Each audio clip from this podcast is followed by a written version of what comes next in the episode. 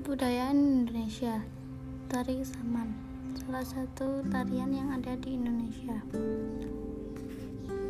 Tari Saman adalah sebuah tarian suku kayu yang biasa ditampil, yang bisa ditampilkan untuk merayakan peristiwa penting dalam adat, syair dalam tarian Saman peng, penggunaan bahasa kayu. Selain itu, biasanya tari Saman tari, tari ini juga ditampilkan untuk merayakan kelahiran Nabi Muhammad SAW. Berbaju ganjil, mereka menyanyikan syair lagu berbahasa, berbahasa kayu, berjamu dengan bahasa Arab saat menari.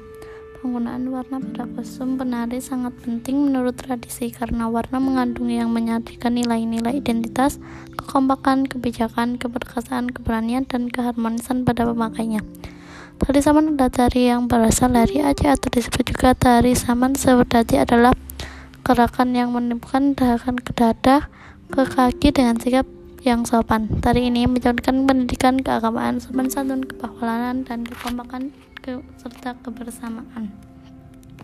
Sekian dari saya dan Nisa Idin Samisia dari kelas 12. Terima kasih.